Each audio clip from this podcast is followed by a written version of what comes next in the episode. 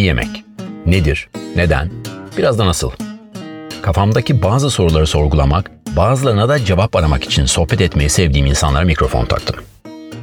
Bazen bir ağacın altında, bazen yolda, bazen ise bir şişme botta bile kayıt yaptık. Bu podcast yemeği, keşfetmeyi, doğayı, sağlığı, işin lezzet kadar sosyal, kültürel, politik ve ekonomik açılarını, yemeğin insana olduğu kadar dünyaya ve doğaya olan etkisini düşünenler için. Volvo'nun katkılarıyla. İyi yemek yapabilmek için iyi malzemeye ihtiyaç var. Kim olursan ol. İster evde yemek yap, ister lokantada. İyi malzeme derken illa klişeleşmiş lükslerden bahsetmiyorum. Gerçekten iyi bir kuru fasulye ancak çok iyi fasulye, baharat, sebze ve suyu varsa olabiliyor. Yıllar önce İstanbul'da bir aşçı ve lokantacı olarak en iyi ürünleri bulabilmek için yoğun bir yarışa girdim. Gerçekten de en iyisine ulaşabilmek için İstanbul'un dışına çıkmamız gerekiyordu. Tangörtan ile yaklaşık 20 yıl önce çalışmaya başladık. Önce mutfakta. Sonra ziraat mühendisi olan Tangör İtalya'ya gitti. Gastronomi Bilimleri Üniversitesi'ne giden ilk Türk olarak Slow Food'un genel merkezinde çalıştı ve dünyanın dört köşesine en iyi üretim teknikleri ve ham madde araştırmalarından sonra da Türkiye'ye döndü. Tekrar çalışmaya başladık ve Mikla'nın tam zamanlı araştırmacısı oldu. Bugün üniversitelerin aranan hocası Tangör ve akademisyen eşi Güher, Ege'nin küçücük bir köyüne taşındılar. Buluşup eski günleri andık. Nasıl yola çıktık, nereden nereye geldik? Edremit'teki Murteza amcanın tayin helvasını, Karaburun'daki Zehra ablanın karabaş otu reçelini, Ilıca'daki rahmetli Seydi amcanın kopanisti peynirini, Çankırı'daki Kezban abla ile Hüseyin abinin hardalını, sirkesini anlattık. Çiftçinin geldiği noktayı, tohumu, tarımı konuştuk. Zaman zaman umutsuzluğa da kapıldık. Ama tüketici talep ettiği takdirde ve doğru politikalarla işin düzelebileceğini de konuştuk. Tarhanadan girdik, enginardan çıktık. Tangör'le iyi, çok iyi malzemeyi konuştuk. Yeni eviniz hayırlı olsun. Sağ olun. Yeni ev ya güzel. Çok tatlı yer. Kaç ay oldu? Biz buraya ge- geçeli 7 hafta oldu. Yani bir buçuk ay. O kadar yeni. O kadar yeni. Ev yerleşmişsiniz çok tatlı. Yani ş- o da şey yani çok yakında yerleşmiş olduk. Çok şeydi buralar dağınıktı baya. Ondan sonra işte yok bir yandan işte babaya git gel bir yandan devreye git gel. Yani bizim herhalde yerleşiyor olmamız toplamda net iki hafta. Müthiş ama ağacın altına kocaman bir badem ağacının altında işte horozlar yok kuş arada çık çık oradan ses buradan ses. Güzel eski bir taş ev. Çok güzel. Güzel. Güle güle oturun. Teşekkür güle güle ederim. oturun valla. Güneş alıyor o da güzel. Ne bileyim ben işte. Güzel yani sakin, huzurlu. Bu kadar yıldır hep yollarda geze geze ondan sonra sonunda sen de gittiğin köylerden birine böyle Şey var ya yerleştin ha? Hani hep şey denir işte emekli olacağım bir Ege kasabasına sahil kasabasına yerleşeceğim gibi. Biz daha emekli olmadan emekli ol, pozisyonuna düşmüş gibi oldu. Ama O şey. bir güzel olmuş evet. Bazen işte komşuların sesleri geliyor uzaktan. Bazen bir traktör geçiyor. Biz işte bakalım. İ- inek, Ses iyi gelir diye umuyorum. Şeyde oturuyoruz. Bahçede, bahçede ağaç altında oturmayı tercih ettik. Biraz şey konuşayım e, diye düşündüm gelirken yolda. E, şimdi sen büyük bir değişiklikten Evet. geçtin. Yani uzun yıllarda hep yollarda araştır araştır araştır işte belli bir şirkete bağlı olarak bir ham madde peşinde işte üretici peşinde vesaire. Ee, şimdi de buraya geldin. O zaman ya dur bir dakika biraz geçmişe dönüp hem bugünü geldiği nokta Türkiye'de yeme içmenin özellikle yerel üreticilerle olan ilişkisi nereye doğru gittiğini biraz onu konuşalım ama aynı zamanda e, bu geçtiğimiz 10 yıla kaç kaç 10 yıl mı oldu? Kaç daha mı fazla oldu yoksa? 2009, 10, 11, 12. 12 sene bitti. 12 senede ilk başladığımız zaman biraz nasıl başlayıp nereden nasıl bir evrelerden geçip ve bugün neredeyiz? Nasıl bir fark görüyorsun? Oradan başlayayım. Ya biz hani ilk başladığımızda çok şeydik. Yani neyin nasıl yapılacağını bir kere zaten bilmiyorduk. Ya çok böyle şey kör tadım gibi.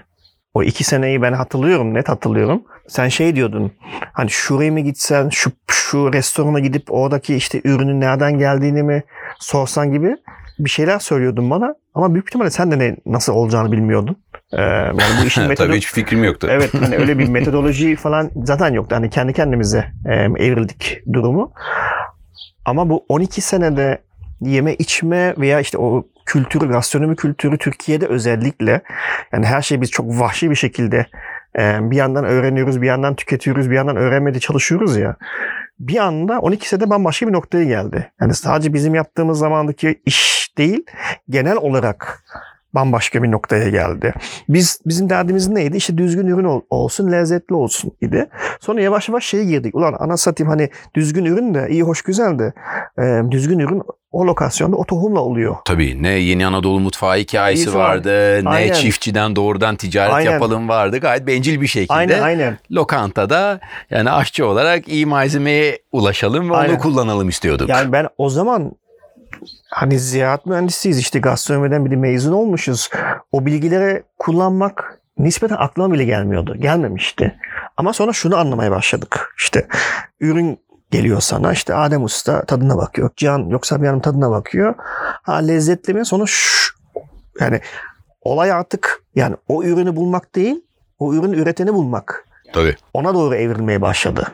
Sonra zaten şu da oluyordu. Senkronize bir şekilde bir yandan da işte bu gastronomi çok trend olmaya başladı. Çok popüler olmaya başladı. Herkes işte yöreselliğe dadanmaya başladı. Herkes ürüne dadanmaya başladı. Bu aslında bizim bir yandan da şeydi, avantajımızdı.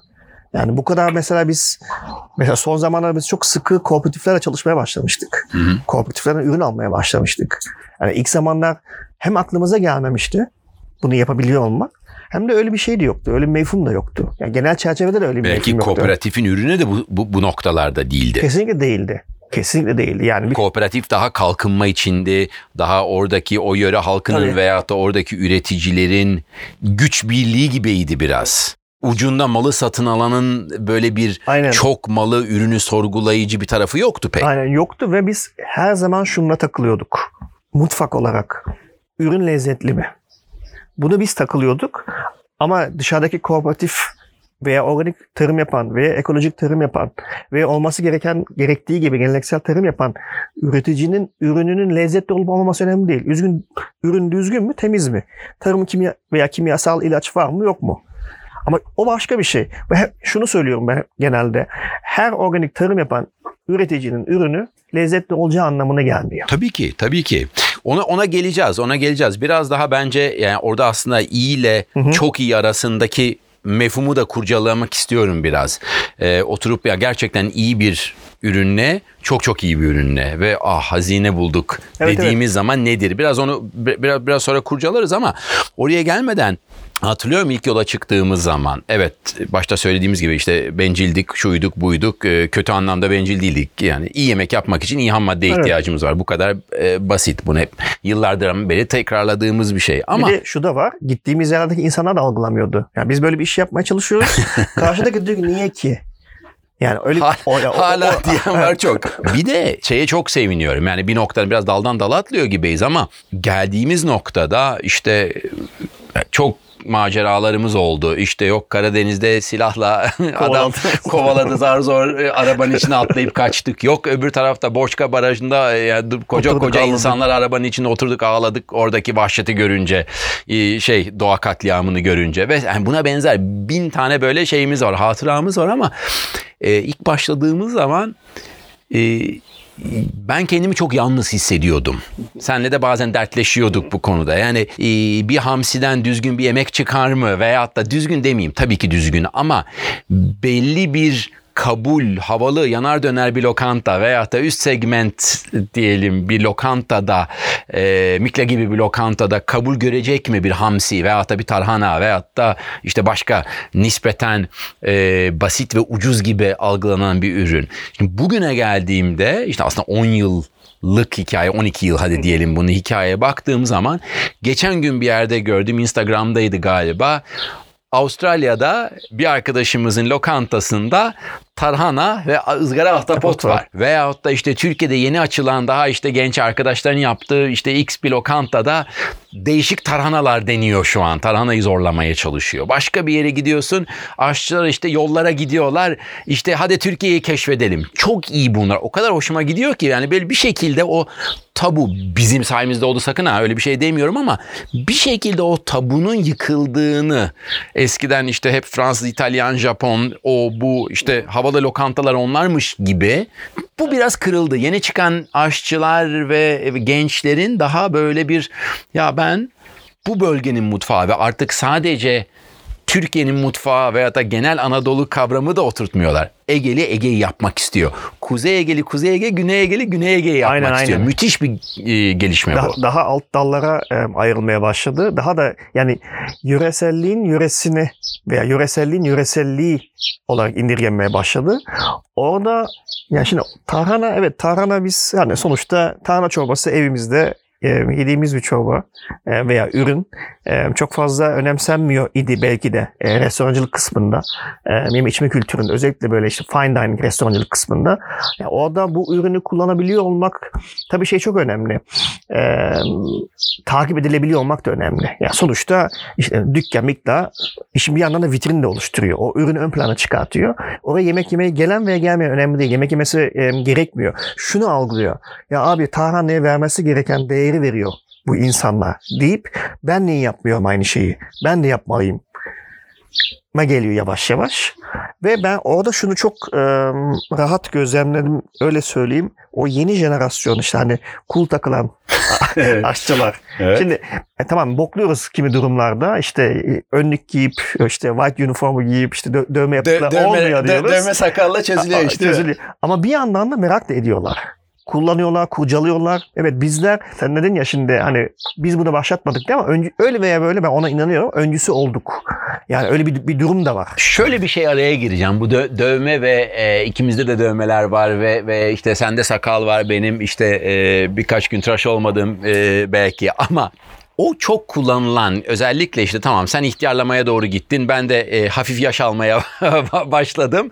İyi güzel ve genelde bizim jenerasyonlar bazı başka meslektaşlarımız da var bizim yaşlarımızda. Gençlere yükleniyor. Ya bunların tek derdi işte havalı havalı işte iki dövme iki küpeyle işte bir sakalla kendilerini havalı zannediyor. Ben ona o kadar kızamıyorum. Çünkü e, mesleğinin ve işinin bütünü e, daha e, ön plana geldikçe e, kendi şahsi karakterini, görüntüsünü sadece arkalarda saklanan biri değil. Neredeyse bir rockstar gibi. Tabii. Nasıl ki müzisyen, gitar çalan bir genç birine bakıyor ve onun gibi havalı olmak istiyor. Gitarı öyle taşıyor. Aynen öyle. Gitar kayışını uzatıyor. Veyahut da işte penasını bilmem nasıl tutuyor falan gibi böyle hikayeler var. Bunlar aslında sağlıklı. O eski usul ya sen işte sadece usta çırak arkadan hiçbir önüne bak sadece o pide yap başka da bir şey yapmayı da tam doğru bulmuyorum. Tabii ki o da önemli. Yani Türkiye'deki Ya o o, da- usta çırak ilişkisi çok değerli ama yetmiyor tek başına. Orada bir de şey de var. Yani şimdi o jenerasyon kendi karakterini ortaya koymaya çalışıyor. Kendini kanıtlamaya çalışıyor. Ve o jenerasyonun gerektirdiği akım oysa, moda oysa, işte moda diyeceğim hani yanlış anlaşılmasın. O zaman yapsın zaten. Ha şu yok onu anlayabiliyorum ben. Yani onu ben kendi öğrencilerimde de görüyorum. Sabır yok. Yani sabır, sa- sabır yok. Ee, devamlılık yok. Eyvallah. Ee, ama o kuşak bunu gerektiriyorsa ve bu şekilde ise yani şey dönüyor. Hani Türk denmektense yani ona nasıl efektif bir şekilde aslında kullanabiliriz veya onlar nasıl efektif daha efektif hale gelebiliyor olurlar. İş biraz ona dönmeye başlıyor jenerasyonda. Şöyle düşün, e, her jenerasyon müzikte de bu böyle olmamış mı? E, sonradan gelen gençler, bizim annelerimiz, babalarımız da, babaannelerimiz, anneannelerimiz, dedelerimize göre zibidi ve işte Tabii, tabii, aynen. sabırsız ve Aynen. işte sebat etmeyen vesaire gibi bir jenerasyon gibi görüldü. Ben eminim işte atıyorum e, eğer dünya kalırsa tabii bundan birkaç nesil sonrasında insan kalırsa dünya kalır da insan kalır mı bilmiyorum. E, ama bizim torunlarımız da e, çocuklarımız tarafından aynı şekilde. Ya bunlar da çok sabırsız. Her şey kolay geldi. Baksana telefon çalarken e, telefonla bile uğraşmak zorunda değiller. Düşünecekler sadece ve bir şekilde iletişim kuracaklar gibi böyle bizim hayal dahi edemediğimiz hikayeler olabilir. O yüzden her dönemin kendi içinde değerlendirilmesi gerektiğini savunanlardanım. Aynen. Ee, o yüzden de yani bizim başımızda gelmedi mi? Bundan 12-13 sene önce işte yok bindik arabaya gittik. Yani insanlar e, bir garip gözle bakıyordu. Bir ne alaka? Keskel alaka. Size mi kalmış? E, gibilerinden e, yani çok fazla pozitif, pozitif değil. e, ekseriyette negatif Tabii. destekleri çok oluyordu. Olmayan destekler çok oluyordu.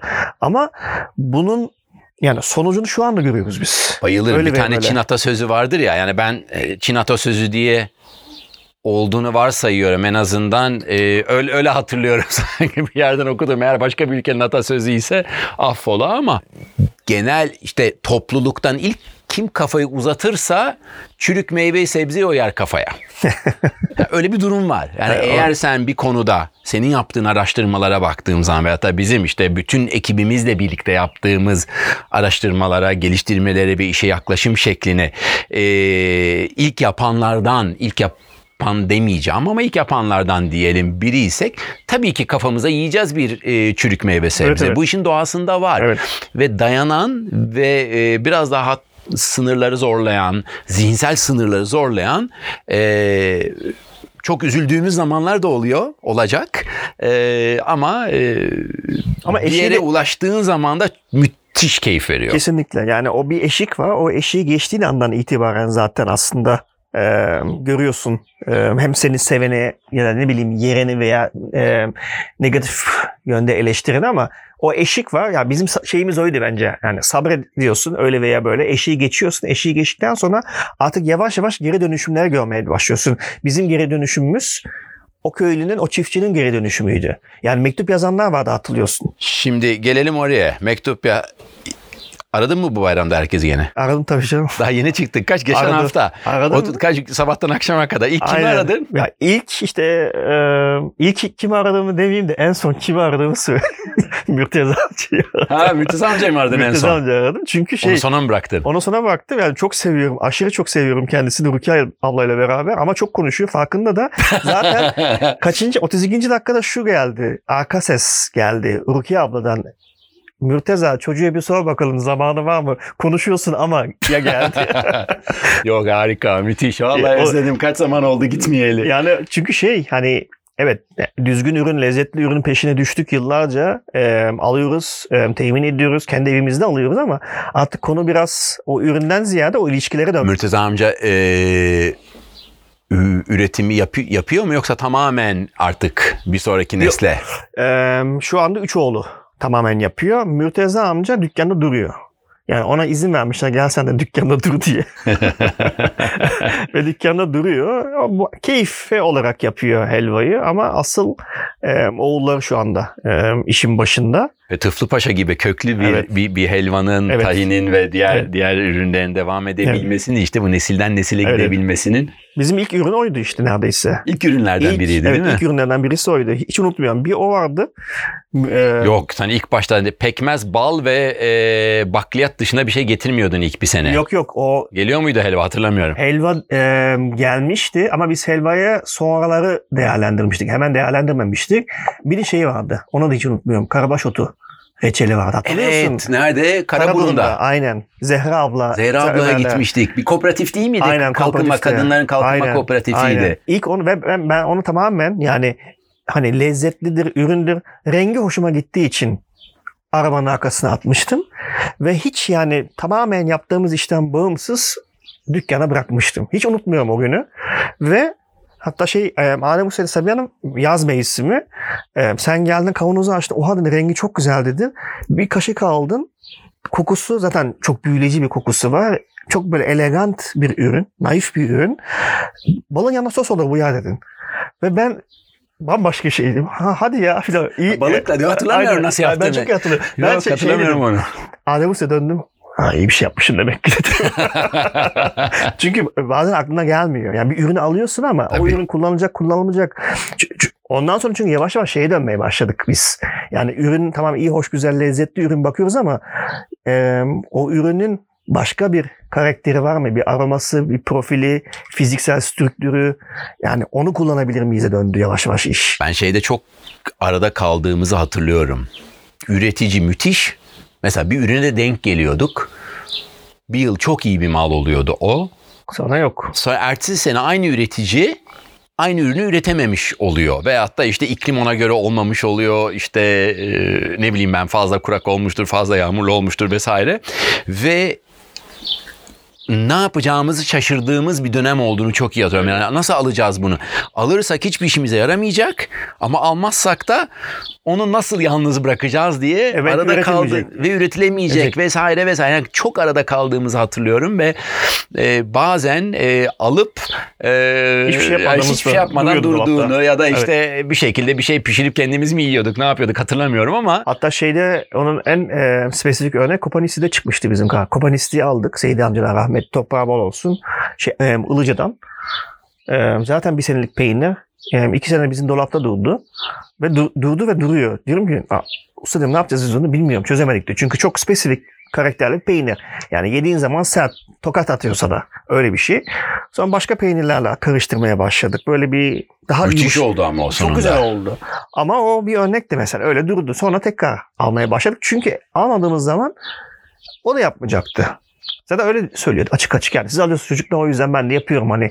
Yoksa benim şey hani hobi olarak yapıyor adam aslında ama işte o noktada şey olmaya başladı. Yani bu özellikle son 5 senede, son 6 senede hani bu kooperatiflerin artık e, ortaya çıkıyor kadın e, tarım kadın kooperatiflerin tarımsal üretim yapan ve o ürünleri e, yan ürün haline getiren işte üzümlü pekmez haline getiren, erikli pestil haline getiren.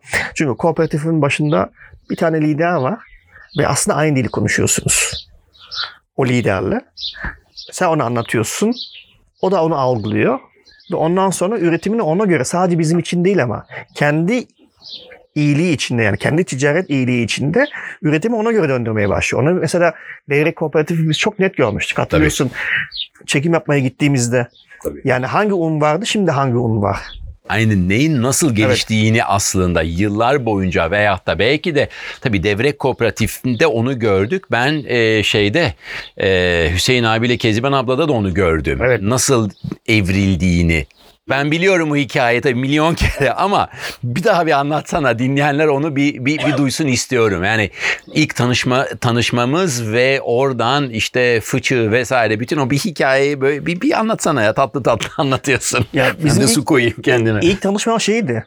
Ee, Bebek'te bir şey e, festivali, e, gıda festivali gibi bir şey oluyor. Yemek festivali gibi bir şeydi ama bu Parkta. ha parkta parkta aynen. Bu benim bahsettiğim ama böyle herhalde bir 10 sene olmuştu. Ve o zaman bir şeydi. İşte efsane işte orta dünyada bir efsane dolaşıyor. Hardal yapıyorlar. Hardal. en iyi hardalı. Ya diyorum ne alaka ya hardal? Hani sonuçta bizim hardal tüketim kültürümüz yok ki. Öyle bir yapmıyoruz zaten. İşte e, endüstri hardalları tüketiyoruz ekseriyetle. Gittim aldım. Evet güzel. Yani güzel, lezzetli bir ürün. Ondan sonra orada tanıştık. Ondan sonra onlar şey demişlerdi. Ya çocuğum işte gel bizim köye. Hem bak falan filan. Ben de bastım gittim köye. Ve şeyi gördüm. Yani motivasyon belli. Elma sirkemiz çok fazla var. Biz işte et yiyoruz ama yanında işte şey yok. İşte sos yok. Acı sos yok. O yok. E hardal yapalım. E yapalım. Çünkü niye? Elma sirkemiz çok fazla. Kafa bu arada. Bundan kafası. Ondan sonra işte o çocuğun paslanmaz çelik tanklar. Ürün zaten şeydi. UEFA liginde istisnasız. Sirke de öyle, hardal da öyle. UEFA liginde bir ürünleri var. Ben ilk girdiğimde köy evi aynı bizim gibi. Aşağısı aslında zamanın şeyi e, hayvan damı. Orası sirkehane olmuş. Paslanmazlar orada duruyor. İlk şunu dedim. Hüseyin abi, Kezban abla niye fıçıda yapmıyorsunuz? Ya bizim fıçı alacak paramız yok. Yani, yani şu anda şey yapamıyoruz. Orada karşılayamıyoruz. İyi. E, baktınız mı fıçı? Fıçı baktık Türkiye'de yok. İşte yurt dışından geliyor. Hemen hiç unutmuyorum ya. Daha, daha şeysinde ya. Saatinde Sabiha Hanım'ı aramıştım. Ya Sabiha dedim böyle böyle fıçı falan var mı? Dur ben bakayım gitti buldu geldi. Sabiha Hanım ama fıçı var. Korozyon olmuş içerisi. Artık yani yıllana yıllana e, çatlamış patlamış. Ona sirke olmaz zaten. Bozulur sirke. E, dedim Hüseyin abi ben bulsam ki ben nereden bulacağımı da bilmiyorum ya. ben bulsam ondan sonra şey yapsak alsak etsek ve hiç unutmuyorum Atatürk Orman Çiftliği'ne gidiyor. Önce şeye gidiyoruz. E, Motto'ya gideceğiz Güher'in tezi için. Benim kafa orada uyandı. Çünkü teyze Atatürk Orman Çiftliği var. Ulan dedim Atatürk Orman Çiftliği'nde sirke var. Ve fıçının içerisinde. İşte Ankara'ya gittik ODTÜ'ye. Oradan çıktım ben Atatürk Orman Çiftliği'ne gittim. İşte müdür de ıvır dedi. Nerede? İşte dedi Pusaklar'da dedi şey var.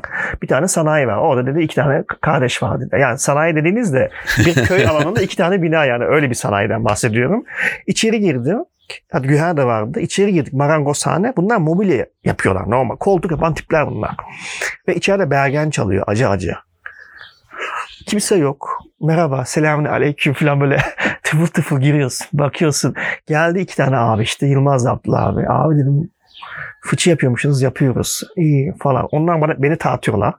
Hani bu ne ayak bunlar gelmişler. Ben onları tatmaya çalışıyorum. Bunlar ne ayak falan diye. Sonra anlattılar işte biz fıçı yapıyoruz. Niye? Çünkü biz işte şarap içmesini seviyoruz. Baktık ki şaraplarımız güzel olmuyor. Çünkü YouTube'dan şuna baktık. YouTube'dan bakmışlar. Fıçıda yapılıyormuş aslında şarap. E demiş ki o onu bir de şiveli Ankara aksanıyla konuşuyorlar şivesiyle. E demiş Yılmaz işte o zaman biz de fıçı yapalım. Bak kafa, kafaya bak yani. İyi tamam yapalım demiş. İki sene sürmüş bir fıçı yapmak. YouTube'dan baka baka yapmışlar. İşte yok Şeklini oturtmaya, oturtmaya. kayı- kayı- kayıtlarını, Aynen, kayışlarını aynen. oturtmaya falan. Ondan sonra ya dedim içine tütsülediniz mi yani yaktınız mı? Ha onu da yaptık dedi. Nasıl yaptınız dedim. İşte dedi de çalı çırpıyla yaktık dedi. Abi dedim oluyor mu dedim. Şu anda içtiğin şarap dedi oradan çıkma dedi. Ve içtiğim e- gene Sabiha Hanım'ı aradım. Bir kaleci karası içtim dedim Sabiha Hanım. İnanamazsınız. Çünkü düzgün üzüm bulmuşlar. Düzgün materyal var. Fıçı Ve olarak. doğal yöntemle yapmış. Doğal yöntemle yapmış. Ondan sonra zaten o günün akşamında ben sana mail attım. Dedim bakın dedim böyle bir şey var. 5 tane biz fıçı alacağız. Parası da bak hiç unutmuyorum. 1733 TL. Hiç unutmayacağım o, O parayı. zaman kaç O- sene önce? Kaç sene önce. 1733 TL. Ne yapacağız ama dedim. Bir de kendi kendime fizibilite yaptım onu. Ee, işte alacağız. Hüseyin Ve- abilere vereceğiz. O 10 şişenin 8'ini bize verecek, satacak. ikisini de bedavaya verecek. Bu takribi olarak 8 sene sonra 8 senede değil mi? Bir, biraz uzun vadeli bir yatırım, Uzun sirke yatırımı olmuş. Hüseyin abi aradık. Ama ne lezzetli sirkeydi. Ve bir anda iyi olan ürün yani bu akılla Tabii. UEFA'dan Şampiyonlar Ligi'ne çıktı. Ve sadece bizim için değil. Bak orada da üreticinin aslında hakkaniyetli olması ortaya çıkıyor. Ahlaklı olması. Diyor ki iyi hani siz tamam alın diyor 5 tane. Ben 5 tane sadece size de endeksleyemem diyor. Benim diye başka müşterilerim de var diyor. Bize de şey dedi katılıyorsan. Biz 5 tanenin birisini sen bize ver. Sen 5'i geri kalan 4'üyle ne yaparsan yap. Onu, onu yapma. Ve sonra da çoğaltmaya başladı fıçıları. Tabii müthiş şu an üretimi. Yani Var var öyle örnekler var. Bir sürü öyle örnek var ve ve bunlara zaten geri dönüp baktığımız zaman e, ucundan bir işe yaradığını bu bu arayışın, bu kurcalamanın bir işe yaradığını görüyor insan ve e, tüketiciyle doğrudan işte özellikle mesela bu bu pandemide vesaire işte lokantalara kapandı ama bir şekilde insanlar evinden işte e, online Evet. bir sürü üreticiyle online bir şekilde ilişkileri kuruldu ve ticaret devam etti ve ayakta kalabildiler birçoğu. ama Ee, işte bu tarz düşünen üretici çok da fazla da yok. yok değil tabii. Çok fazla. Yani fıçı nezdinde onlar zaten yani nevi şansına münası. İşte ne bileyim Hardal, Hüseyin Kezebana bunlar farklı. Yani Türkiye'nin geneline baktığında Türkiye'nin genel üretim kültürüne veya entelektüel kültürüne baktığında e, maalesef çok fazla değiller. Çok fazla olmadığı için de biz genelde ne yapıyoruz? Hep aynı 15 üretici içerisinde Japon kale maç yapıyoruz. Sadece biz de yapmıyoruz. Diğer işletmeler de aynı şey yapıyor. Biz de aynı insandan alıyoruz. Onlar da aynı insandan alıyor. Ve bu aslında baktığında çok sürdürülebilir bir şey değil. Çünkü Müthiş zaten bir düşüş var Evet. yani çiftçide biraz şeye belki buradan eee, adım atabiliriz. Bu bu yani yeni üretici, eski üretici eskiden nasıl üretiliyordu? Bugün böyle bir de yeni nesil üreticiler var. Eee, ne yapıyorlar, ne ediyorlar? İşte tohumlarını nereden temin edebiliyorlar? Edebiliyorlar mı? Satın alabiliyorlar mı? tohumlarını aslında veyahut da hatırlıyorum eee ki alamıyorlar halen biz yapıyor. Cihan'la mı gidiyorduk o zaman? Bir tane Connecticut'ta bir tane e, tohum bankası var. Bir tane de Kaliforniya'nın kuzeyinde var. İkisine de gitmiştim ama Cihan'la galiba Kaliforniya şeydekine Connecticut'takine gittik ve dünyanın her yerine hatta İran'dan bile domates tohumu vardı Evet. ve satın alınabiliyordu. Hem evinde yapmak isteyenler için işte küçük torbalarda veya da zarflarda ve de daha büyük miktarlarda e, biri almak istiyorsa daha ciddi bir tarım yapmak için almak istiyorsa satışı serbestti. Ki aslında konuştuğumuz yer Amerika ve canavarların aslında tohum ve, evet. ve tarım canavarların olduğu ülkede bile aslında serbestti bu. Ee, işte burada değil ama. Burada değil. Ya burada şu de, değil. Burada yerel tohum e, ne, yerel ne kadar yerel o ayrı bir konu da burada yerel tohum veya o bölgeye has olan e, atalık tohum diyelim. Yerel demeyeyim atalık tohum evet. diyelim. E, onun zaten satışı bir kere e, yasak. E, 4-5 sene önce zaten yasaklandı o. E, şu anda en fazla tohum takas yapılabiliyor.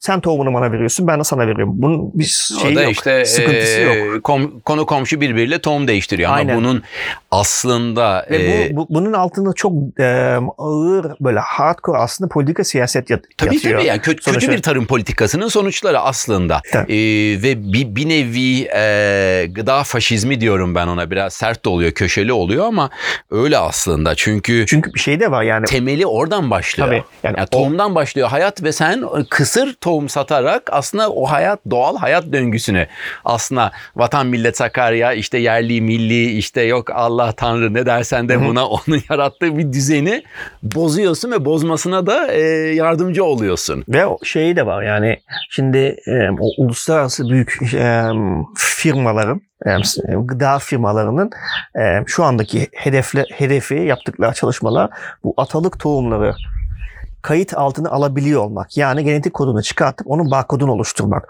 Ondan sonra konu şuraya gelecek. O zaman atalık tohumu da siz değiş tokuş yapamazsınız. Onu da benden satın almak zorundası da geliyor. Yani oraya doğru gidiyor o düzen. Tabii. Buradaki düzen oraya doğru gidiyor en azından. Zaten çiftçi sayısına falan da baktığımız aynı bir veya o, o giriyoruz o konuya ama e, mutlu sonla bitmeyen bir hikaye. Onu görebiliyoruz. Yani şimdi baktığımız zaman son 12 yılda yarı yarıya düşmüş. %50 e, çiftçi sayı yani kayıtlı çiftçi sayısı yaklaşık %50 düşmüş son yani son 10-12 senede yani 10 senede kabaca. E, yuvarlak rakamlar bunlar. Şimdi nereye gidiyor bu çiftçiler? Ne yapıyorlar? Al işte. Kim bakacak? İşte burası Boşalmış, terk edilmiş terk bir edilmiş. köyde oturuyoruz şu an. Yani şey şu, e, mantık şu. E, 85'lerde yukarı baraj yapılıyor. Ondan sonra e, o baraja istinaden de buranın köylüsü aşağıda tarım yap- yapmak adına, yapabilmek adına göçüyorlar. Bütün köy aşağı göçmüş. E, Orhanlı'ya göçmüş. Burası boş, boş köy burası. Boşaltılmış. Şimdi aşağıdakiler diyor ki oranın yerlisi ya ne iyi ettiniz biz işte taşındık keşke taşınmasaydık. Ama ben çiftçi değilim. Tabii, ben, tabii. kend- ben kendi keyfime geldim. Şu anda oturuyorum burada. Üretici aşağıda ve şu anda şeyde serzenişte. Üretici de azaldı. Benim benim en büyük derdim o. Şehirleşme vesaire. Yani nereye gidiyor bu? Yani şehirler millet tavşanlar gibi sevişiyor diye şehirler bu kadar kalabalıklaşmadı. Evet evet. Bir yerden göç etti bu insanlar. Ve o yüzden de eee, oraya gidiyor. Buradaki böyle bir köyde üretiyor ve kendisine bakabiliyor, komşusuna satabiliyor, pazara gidip satabiliyor, ürünü başka şehirliye satabiliyor iken şu an o yemeği satın almak zorunda kalıyor. Ee, bir X bir inşaatta maalesef çoğu zaman çalışarak ya da başka yerde çalışarak. Evet. O zaman da toplum bütünüyle çöküyor. O yüzden o iyi üretici, iyi ürün, nereden aldığını, kimden aldığını, yani belki biraz ondan es geçtik demin konuşurken hep lokantacılık tarafına baktık. Ama eğer e, hep bağırıp çağrıştığımız bir konu, hep anlatmaya her türlü işte televizyonlarda, orada, burada, kendi alanlarımızda, dünyada işte muhtelif konferanslara falan hep gittiğimizde e, anlatmaya çalıştığımız konu bu. Eğer e, çiftçi yoksa yemek yok. Yok. E, yemek yoksa da e, hayat yok, insan yok. Ve o çiftçinin de başlangıcı belki de o to- belki demeyeceğim tohumdan ve o çiftçiyi destekleyerek e, ancak devam ettirebiliyorsun. Çiftçilik zor iş, pahalı iş. Çiftçilik çok zor iş. Özellikle Türkiye'de çok zor iş. Yani maliyetleri zaten biliyorsun. Yani bir işletme maliyeti var bir de tarımın bir maliyeti var. Tarımın da bir girdisi var. En büyük girdi zaten enerji girdisi. Yani mazot olarak senin karşına geliyor ve e, dünyada en pahalı mazot veya benzini biz kullanıyoruz. Kullanan ülkelerden bir tanesi. Şimdi oraya geldiğinde e, toprağın nasıl işlesin? Yani o zaman eski sisteme dönelim. Hayvanla E, bir de tohumu bedava e, tutamıyor. Ha bir de o da var. O zaman da suni gübre veya da Tabii. suni pestisit yani pestisit kullanmak zorunda O zaman- kalıyor o tohumu aldığı zaman. O da döviz bazlı oluyor vesaire Tabii. vesaire. Zaten- O yüzden yani köklü bir tarım reformundan. yani bu da tabii uzun yıllardan beri olan sadece son belki 20-30 seneden bahsetmiyoruz ama özellikle aslında e, son yıllarda çok sert bir e, düşüşten bahsediyor. Son belki kaç işte ne bileyim ben e, 8-10 senede özellikle çok sert değişiklikler var. O yüzden Tabii bir de şey de var. ta- tatlı bir sonu yok maalesef bu muhabbetin ama neyse biz Bak mesela o- Tamam mesela. orada mesela tamam belki onun çözümünü bulursun. Çünkü konu oraya da getireceksin büyük ihtimalle. Ee, şunun çözümünü nasıl bulacağız? Aslında onu düşünmemiz gerekiyor. Yani bir iklim krizi diye bahsediliyor son iki senedir. Ve hatırlarsan biz bunu son beş senede çok yoğun bir şekilde bulamadığımız ürünlerden e, mikro ölçeğini yaşıyorduk. Çünkü ürünü bulamıyorduk artık aynı çiftçiden, üreticiden. Son iki senede çok hızlandı iklim krizi. Ee, bu ben hep şey diyorum iklim krizi yok. Ee, iklim krizi bizim bize göre var. Yani insanoğluna göre bir iklim krizi var ama doğaya göre iklim herhalde fabrika ayarlarına dönmeye çalışıyor. Yani kasıyor biraz o noktada. Ee, başa dönmeye çalışıyor. Ve o noktada işte su krizi deniyor. Evet su yok. Çünkü o kadar bilinçsiz her şeyi kullanıyoruz ki su bunun başında zaten geliyor. Ee, ben dün konuştum. Ee, Karaot e, Tohum Derneği var. Başında Feray diye bir arkadaş var. Ee, özellikle suyla ilgili çok ciddi sıkıntılar varmış ve şey diyor e, dün net söyledi onu bulunduğum lokasyonda bu sene itibariyle yaptığım hesaplamalara göre 200 çiftçi çiftçiliği bırakacak diye net rakam verdi. Dedim abi ne, ne diyorsun ya dedim. Ciddi misin dedim. Ya bu kadar kesin. Yani tamam tohum atalık olsun, kodlansın, kodlanmasın, barkodu çıksın, çıkmasın. Ee, sen ileride optimum ve standart iklim isteğini bulamazsan o tohum için istediği kadar atalık olsun, istediği kadar ürün Ben yöneten sana olsun. rakam vereyim. 2008'de e, yaklaşık 1.1 milyon bir parça fazla hatta e, çiftçi sayısı sayısı. varken e, ondan 10-11 sene sonra hadi 11 diyelim tam rakamlar vereyim 2019'a doğru gittiğimiz zaman 600 bine kadar düştü. Hani Ve neredeyse 1-200'den 600 Yüz- bine. Ki bu kayıtlı olan. Tabii kayıtlı olan. Yani. Bir de nesili, yeni nesil gelmeyince çünkü gençler Tabii. ne yapsın köyde vesaire vesaire e, bütün toplumun aslında çöktüğünün görebiliyoruz. Evet negatifim bu konuda maalesef. Çünkü e, özellikle bitmiş değil. Hala virajı dönebilecek fırsat var ama e, şey yani popülist bir yaklaşımla değil gerçekçi bir yaklaşımla ve paraları ve emeği doğru e, doğru fikirlere ve doğru yöne e, harcanırsa veyahut da orada kullanılırsa e, bir, bir, bir U dönüşü olur buradan veyahut da U dönüşü demeyeyim de yavaş yavaş çok geniş bir U ile döner ama dönebilir. Çok geniş bir uğurlama işte. E, çok geniş bir uğra. Tabii ki iklim krizi ama bütün dünyada iklim krizi. Tabii ki belki de susuz tarıma dönmek gerekecek ya da daha az su ile tarıma dönmek gerekecek vesaire vesaire ama e, imkansız değil. E, o, o kesin. Peki 500 bin 80 milyonu besliyor. Şey e, kayıtlı 600 Tabii. bin 82 milyonu besliyor. besleyemiyor. Evet besleyemiyor. Besleyemiyor aslında. Evet. Besleyemiyor. Ben şeyi hatırlarım biliyor musun? Ee, kaç herhalde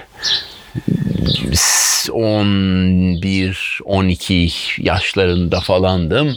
İşte İsveç'te okurken e, haft, iki haftada birdi galiba. Haftada bir miydi? iki haftada bir miydi? Hatırlamıyorum ama e, şey veriyordu. E, İsveç'teki eğitim sistemi Türkçe ders verdiriyordu bize. Bir Türkçe e, bir hoca geliyordu. Ve işte üç kişiydik ablam ben bir de e, bir kız daha vardı Türk.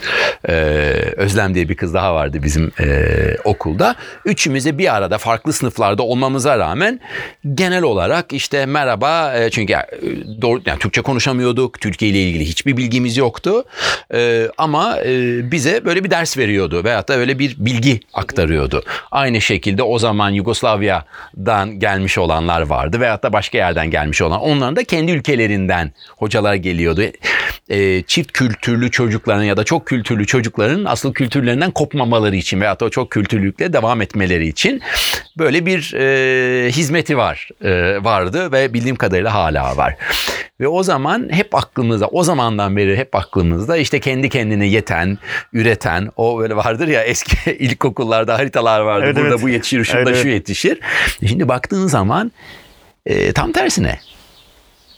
Şimdi tabii ki bazı yazar çizer e, daha yüksek sesli e, çıkıyor ve anlatmaya çalışıyor. İşte James Heyman gibi veya da birçok başka ilk o geldi aklıma şimdi ama birçok başka saygın e, yazar çizer e, anlatıyor ve altını çize çize, çize e, anlatmaya çalışıyor ama tabii ki yetmiyor. Evet. Tabii ki yetmiyor. Yani bu bir e, tırnak içinde söyleyeyim milli seferberlikten bahsediyoruz aslında. Yani asıl milliyetçilik evet. e, çiftçiyi, üreticiyi yani o, ancak ürettiği zaman bir bir bölge e, bir yere varabilir. Sanayide yanına ekle muhakkak. Tohum olacak, toprak olacak, onları koruyacaksın, suyunu koruyacaksın hayvanla. Milliyetçilik o zaten aslında baktığında yani. Ha, ta, teknoloji olmazsa ol, tabii ki teknoloji olacak. Şu an eğer tabii ki teknoloji olacak. Tabii ki yani her üreticinin evine veyahut da işte ne, nereye köyüne e, teknolojiyi sokmak gerekiyor ki bunu yapan var. Ege'de işte Tarım Teknoloji Merkezi'nden bahsediyorsun. Tam işte bunu yapıyor. Hı-hı. Üreticiyle e, teknolojiyi birleştirmeye Aynen çalışıyor. Öyle. Müthiş. Ya, bu ve buna benzer e, girişimler var. Ama ya, bir ya da iki tane görebiliyorsun. İşte o noktada e, benim ben de bazen bir umutsuzluğa düşmüyor değilim. Ee, yani bu böyle gerilla taktiğiyle tek başına olacak bir şey değil. Tabii ki e, bireysel bazda, kurum bazında, e, SDK bazında zaten bunu e, iyileştirme yönelik çalışıyor olmak gerekiyor ama orada devlet desteğinin de çok ciddi bir şekilde olması gerekiyor. Yani çünkü sonuçta şey yani bir, bir nevi takım oyunu. Yani takım oyunu olarak o milli seferberlik var ya. Yani seninle yani bir restoranla bir restoran düzgün lezzetli ürün alacak diye Türkiye'nin ne ekonomisi düzelir ne, ne, ne ziraatı düzelir. Ama İstanbul'da 100 tane esnaf lokantası bu kafayla düşündüğünde bak o zaman iş değişmeye başlayacak. Niye? Çünkü esnaf lokantası diyecek ki 100 tane esnaf lokantası. Bak hiç abartmıyorum. İstanbul'da ve sadece İstanbul'da domates, biber, patlıcan. Kışın kullanmayacağım. Aynen öyle. O zaman üretici diyecek ki abi kullanmıyorlar ben niye üreteyim? Ve bu lokantalar diyecek ki abi mevsimde olan malzemeyi sen bana gönder. Ha, o zaman yavaş ya aslında çok hızlı değişir. Tabii ki hızlı değişir. O yüzden de tüketicinin bunları anlatmamızın evet. bu kadar e, kıçımızı yırtmamızın sebebi o. Öyle. Tüketici bunu talep ettiği takdirde hatta evet, evet. gittiği esnaf lokantasında veya da havalı lokantada. Evet. Ya baba ne yapıyorsun ya bunu koyma bugün buraya. Aynı şekilde işte çine kopu da isteme, sarı kanatı evet, da isteme gibi. Ancak tüketicinin evet. baskısıyla tabii kurallar ve yönetmelikler vesaire Ki şey önemli ama. çok önemli. Yani metropol yani İstanbul mesela, Ankara, İzmir. Hadi İzmir'i bir kenara koyalım çünkü İzmir Ankara'ya döndüğün zaman zaten iyi ürüne ulaşabiliyorsun. Görüyorsun burada. Yani buradaki köydeki ve köylülerin bu havzadaki, Orhan Havzası'ndaki e, insanların öyle bir meyfumu zaten yok. Çünkü ürün zaten var. İşte bugün marul yedik değil mi? Ben dün Şükrü ablaya gittim. Marul kesti verdi. 2 lira 2 lira. İyi ürün lezzetli ve iyi ürün. Çok iyi ürün. ürün. katır, katır kutur yedik marul mis gibiydi. Allah'tan hani şey de var. Yani onlar da bu mefhuma aşinalar. Peki bir dakika dur sana şey soracağım. İyi ürün demişken bu kadar yıllardır yani bu kadar yıldır yollardasın tamam şimdi biraz daha sakin bir daha işin akademik tarafına yöneldin e, işte e, hocalığına devam ediyorsun okullarda e, derslerine devam ediyorsun ama iyi üründen e, devam edeceksek yani iyi ürün ne çok iyi ürün ne? Böyle bir ipucu verecek olsak. Her bölümde bir böyle bir ipucu vermeye e, çalışıyorum. Hı hı. İyi ile çok iyi nasıl seçeriz? Yani ilk gittiğin zaman enginarı ilk bizi böyle bir Bak. sevindirik bir şekilde bizi arayıp da ya manyak bir enginar buldum dediğin zaman yani o iyi ile çok iyi arasında nasıl fark olur? Veyahut da karadut örneğinde. Yani hangisi iyi, hangisini çok iyi? Bunu bir evinde yemek yapan veyahut da belki de iş olarak aşçılık yapan biri bu farkı nasıl ayırt edecek? Nasıl iyi ya da e, çok iyi ürünün arasındaki farkı? Yani mutfak yani bir evsel ölçekte konuştuğumuzda mutfakta bu ne kadar önemli veya ne kadar bu e, irdelene o ayrı bir konu. Restoran ölçeğinde nispeten e, daha fazla kurcalanıyor öyle veya böyle. Yani enginar veya karadut ölçeğinden çıktığımızda evet e, Urla'dan Çeşme'ye kadar enginar. Zaten Urla e, enginar coğrafi işaretini de bir yandan aldı. İyi ürün. Ama en iyi enginar Urla'da değil. En iyi enginar Ildır'da. Şimdi iyi ürün Urla'da. en iyisi ıldırdı. En iyisi niye ıldırdı dediğimizde çok basit. Ersin abinin enginar tarlası denize Demin nazı. yediğimiz enginar değil mi? Evet denize nazı. Şimdi denize nazılık bize ne veriyor? Şimdi onu biz biliyoruz. Ya sen de ben. Çünkü biz kafamızı ona göre bozmuşuz zamanında. Denizden gelen batıdan esen iyotlu rüzgar. Aynı zamanda hurma zeytinin mantarı gelen o mant ağaca konan. Enginar da konuyor. Yeraltı sularını analiz ettirmiştik hatırlıyorsun. Bol mineralde gayet temiz bir su. Onunla besleniyor o enginar. Ve sen enginarın tadına baktığında ben Adem Usta'yı hatırlıyorum tarlaya gittiğimizde emdiğinde tuzu tuzu bu dedi. O çok iyi bir ürün. Herhangi bir burada da var birkaç enginar tarlası var. Ona geçerken görüyorsun zaten. Ha bunlar güzel ürün, iyi ürün. Yani çünkü havzayı da görüyorsun. Onun, Kuş o- uçuyor mu? Arı kuş, var mı? Kuş uçuyor mu? Arı var mı? Karınca var mı toprağın altında? Bunlar zaten önemli. Olması gereken şeyler. Ee, arı varsa daha lezzetli hale geliyor ürün. Yani bu bir triktir. Ben bu triği zaman içerisinde öğrendim. O domates şeyde bizim e, Göksel'in amcasının Evet. aldığımız domatesten. Koy dedim şeyi kovanı. iki tane kovan koymuş. Ertesi sene aldığımızda daha güzel ve daha güzel hale geldi. Ama orada şu da önemli. Şimdi insan faktörü de önemli. Onu yetiştiren insan daha lezzetli hale getiriyor. Şimdi biz Ersin abiye şunu dediğimizde o zaman abi işte bak şurada sazlık var. O sazlıkta belli ki bir su havzası var. Abi onun etrafındaki ben enginar istiyorum dedi. Ersin abi şey dedi. Tamam dedi. Daha mı güzel onlar dedi. Şimdi Ersin abiyle Esin abla da şey Bu mesele uyandı hemen. He, uyandı. Ee, o yüzden de yetiştirici önemli. Çünkü yetiştirici şunu yapıyor. İlaç koyuyor veya koymuyor. Kimyasal kullanıyor mu, kullanmıyor mu? Hayvanına bakıyor mu? Kendi hayvanından elde ettiği boku gübre olarak tarlasına koyuyor mu? Çünkü kendi hayvanından eğer süt içiyorsa belli ki antibiyotik kullanmıyor. Hormon tedavisi uygulanmıyor. Ve o zaman da o enginar daha iyi enginar hale geliyor. Daha lezzetli ürün haline gelmeye başlıyor. Ve bunu yapan sayı, insan sayısı çok çok az. Ama bu işte iyi ürün çok daha iyi ürün mertebesine ulaşmaya başlıyor. O artık VIP exclusive food item haline gelmeye O zaman da şuna mı yani e, toparlamamız lazım. Vaktimiz bitiyor ama o zaman şuna mı geldik? Yani çok iyi ürün peşine gidiyorsan tabii ki iyi ürün, iyi mahalle, iyi hava, iyi Tabii, rüzgar tabii. ama aynı zamanda kendi hayvası hayvanın e, dışkısını ya da senin deyişinde bokunu toprağına koyup da gübre olarak kullanan üretici peşine gitmek lazım. Tabii yani o insanın peşinde yani koşuyor olmak gerekiyor. Tabii. Yani sonuçta o üretecek. O üretiyor. Yani o hayvanı sağıyor. Ee, Öyle veya böyle. O yüzden tabii şey de var ya o kriterler sonra biz geliştirdiğimizde o üretici bir mi aile mi? Şimdi mesela Ersin abi şeyinde perspektifinde Ersin abi Esin abla Hakkı ve Hüseyin iki tane de çocuk. Ee, geçen hafta beni aldı götürdü. Annesi de orada. Ee, kayınvalidesi de orada. Kay, şey de orada. Kayınbira herkes orada enginar soyuyor. Yani Mevsimi şu an Ee, tam evet. gaz gidiyorlar. Aile işletmesi ha diyorsun tamam mı? Ürün bu diyorsun. Ürün bu ürün. Çok iyi ürün o zaman o. Tangör çok teşekkürler. Ben teşekkür ederim. Güle güle oturmaya devam edin.